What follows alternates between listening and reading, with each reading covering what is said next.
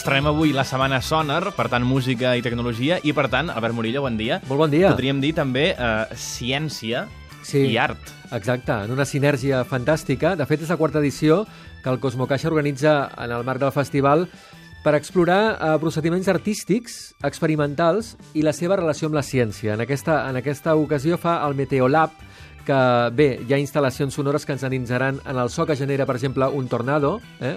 Com sona un tornado si estàs al mig d'un I no d'ells? estàs fugint preocupadíssim. Exacte. Després, vídeos molt interessants, eh, que he vist imatges sobre timelapse, eh, o sigui, allò, imatges eh, amb, bé, fotografies, i després en fan un cinema eh, o una pel·lícula, i fan que doncs, un temps molt, molt llarg passa en un instant. I llavors veus de càmeres de vigilància que hi ha als Estats Units com passa el temps, com passa la neu, com passa la pluja i com es carrega tot, totes les coses. Eh? És com gravar una flor que s'està obrint Exacte. i passar la càmera ràpida, però amb, amb persones i, i meteorologia, també. Exacte, exacte. Després hi ha una cosa que a mi m'encanta, que són experiències quadrafòniques de so.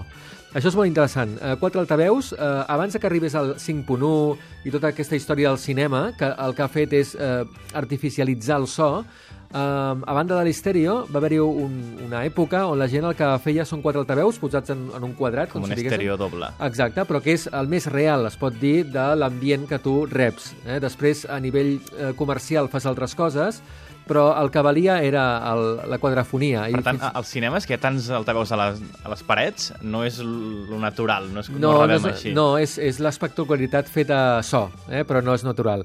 I eh, hi ha una persona que es diu Chris Watson, que és pioner de la recerca del so de camp, que va treballar molts anys a la BBC i que, de fet, gairebé tots els sons d'efectes de, de, d'efectes de so que hi ha a la ràdio són d'ell, doncs que veurem una, una obra seva eh, de 20 minuts espectacular que es diu Antàrtica, eh, i on escoltarem el so de, de com eh, arriba a l'Antàrtica la calor i, i com afecten el so eh, i l'ambient. I és absolutament espectacular. I això ho podrem veure al planetari.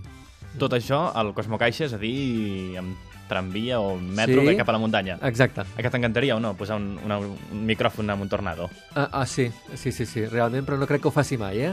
Podrem anar a veure, oi? Molt bé, exacte. Gràcies, Albert, i Adéu-siau. fins demà. Adéu.